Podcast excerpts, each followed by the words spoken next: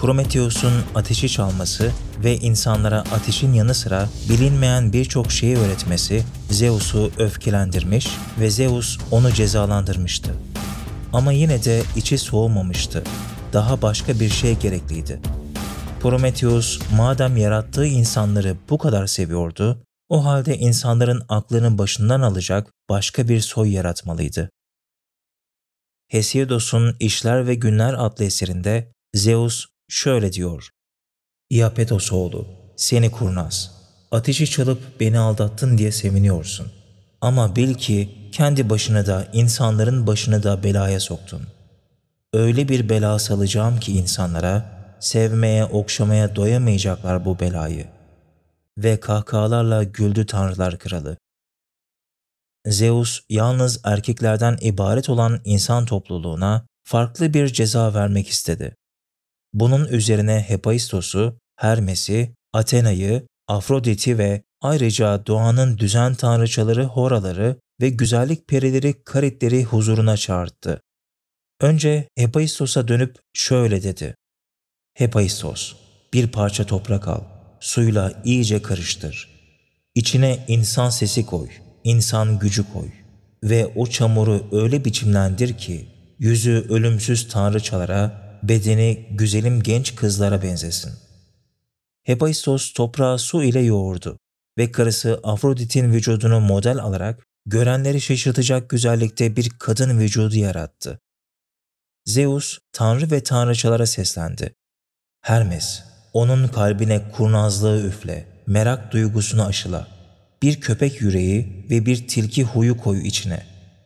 Athena, sen de ona el işlerini, renk renk kumaşlar dokumasını öğret. Afrodit, sen de büyülendir onu. İstekler ve arzularla gönlünü tutuştur. Zarafet kat yüzüne. Hepsi Tanrılar Kralı'nın dediklerini bir bir yaptı. Heykel bitince Zeus onun kalbine ruh yerine bir kıvılcım koydu. O zaman heykelin gözleri açıldı. Kolları bacakları kıpırdamaya ve konuşmaya başladı yaratılan cana geldiğinde Zeus tanrıçalara emretti. Onu güzelce giydirin, süslendirin, takılar, taşlar takın, güzelliğini daha da pekiştirin. Athena ona güzel bir kemer, süslü elbiseler verdi. Güzellik perileri karitler, beyaz göğsüne parlak altın gerdanlık taktılar. Doğanın düzen tanrıçaları güzel saçlı horalar ise onu ilkbahar çiçekleriyle süslediler ve Zeus ona bütün tanrıların armağanı anlamına gelen Pandora adını verdi. İşte ilk kadın yaratılmıştı. Kadının ilk örneğiydi. Dişiler daha önce de vardı fakat bu ölümsüz tanrıçaların yansımasıydı. Zeus daha önceleri insanların arasına kavgayı, şiddeti atmıştı fakat bu farklıydı. Prometheus'un çaldığı ateşi karşılık Zeus bambaşka bir ateş gönderecekti yeryüzüne ve birçok kavgaya, şiddete, savaşa sebep olacaktı. Zeus, güzellikler içindeki bu cezayı Prometheus'a unutamayacağı bir ders olsun diye kardeşi Epimetheus'a gelin vermek için Hermes'i görevlendirdi. Prometheus kayalıklara zincirlenmeden evvel Zeus'un karşı bir hamlede bulunacağını biliyordu ve sonradan olacak şeyler karşısında önlem almak için kardeşi Epimetheus'un yanına gitti. İki kardeş oturdular. Sohbet edip geçmişi yad ettiler. Ve Prometheus düşünceli bir halde başını sallayarak kardeşine şunları söyledi. Kardeşim, çok kederliyim. Yarattığım insanların haline çok üzülüyorum. Epimetheus şaşkın şaşkın Prometheus'un yüzüne bakıyordu. İnsanlar mı? Onlar da kim? Ben onları ne gördüm ne de duydum. Prometheus acı içinde gülümsedi. Ah kardeşim, hep böyle olmak zorunda mısın? Hadi biraz hafızanı yokla. Onları en az bin kere görmüşsündür. Haklarında çok şey de bilirsin. Ha şimdi hatırladım. Bize benzeyen şu küçük yaratıkları diyorsun. Onlar için neden üzülüyorsun ki? Aldırma onların hallerine. Boş ver gitsin. Prometheus öfkelenmişti. Kendine gel Epimetheus. Onların benim için ne kadar değerli olduklarını biliyorsun. Zeus tıpkı diğer kardeşlerimiz gibi beni de cezalandırmak istiyor. Sırf onlara yardım ettim diye. Ve hala onlar için tam bir düzen sağlayamadım. Buna çok üzülüyorum. hem ayrıca senin için de endişeliyim. Epimetheus, Prometheus'un ne demek istediğini anlayamadığından boş boş baktı. Benim için endişeleniyor musun? Evet kardeşim, senin için endişeleniyorum.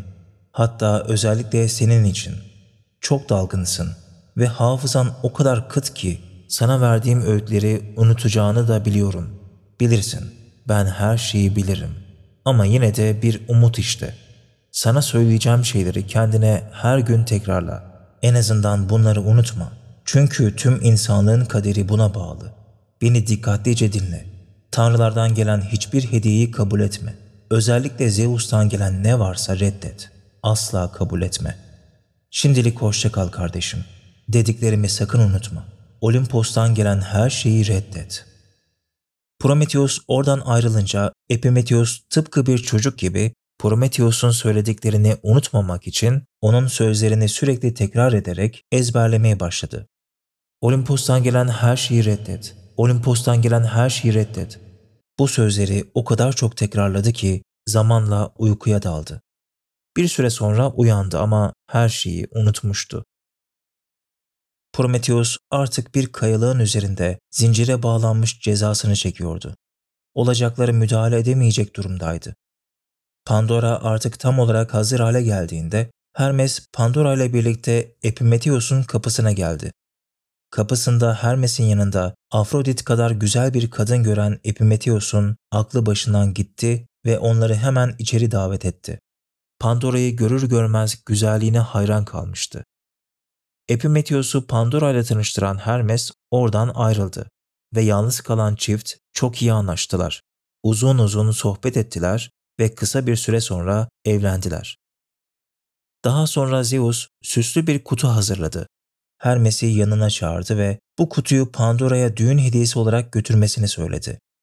Tanrılar Kralı Hermes'e bir şey daha söyledi. Pandora'ya söyle, her ne olursa olsun bu kutuyu sakın açmasın. Bilsin ki tüm insanlığın kaderi bu kutuya bağlı. Onu iyice tembihle. Hermes, Pandora'yı sıkı sıkıya tembihleyerek düğün hediyesini ona verdi. Hermes gidince Pandora kutunun başında uzun süre içinde ne olabileceğini düşündü. Bir süre sonra merakına daha fazla dayanamayan Pandora, zarif parmaklarıyla kutuyu tuttu, kendine çekti ve usulca kapağını araladı. Ve kutunun içinden pis kokulu kapkara dumanlar çıkmaya başladı. Çok geçmeden etrafa yayıldı.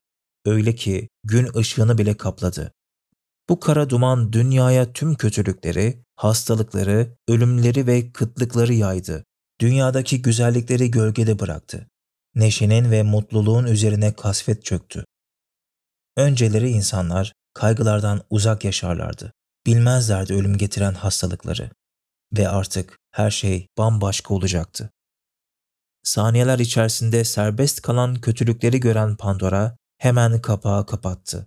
Fakat kutunun içinde yalnızca o harika içgüdü, umut kalmıştı. Olaylar tam da Zeus'un istediği gibi gelişiyordu. Zeus insanlara umudu bile çok görmüştü. Bu sırada dışarıda olan Epimetheus daha önce görmediği kadar kasvet dolu bir güneş şahit olmuştu. Eve geldiğinde süslü kutuyu görür görmez bunu kim verdi diye sordu karısına. Pandora bunun Zeus'un düğün hediyesi olduğunu söyledi. Epimetheus işte o zaman farkına vardı yaptığı hatanın. Önceleri sade ve sessiz bir hayatı vardı ve bu durum öyle çok sarstı ki onu çılgına dönmüştü. Pandora'nın kutusunu bir kenara fırlatıp haykırarak koşmaya başladı. Arkasına bile bakmadan koşuyordu. Günlerce, aylarca, yıllarca durmadan koştu ve bir daha onu gören olmadı. Zeus'un istediği olmuştu.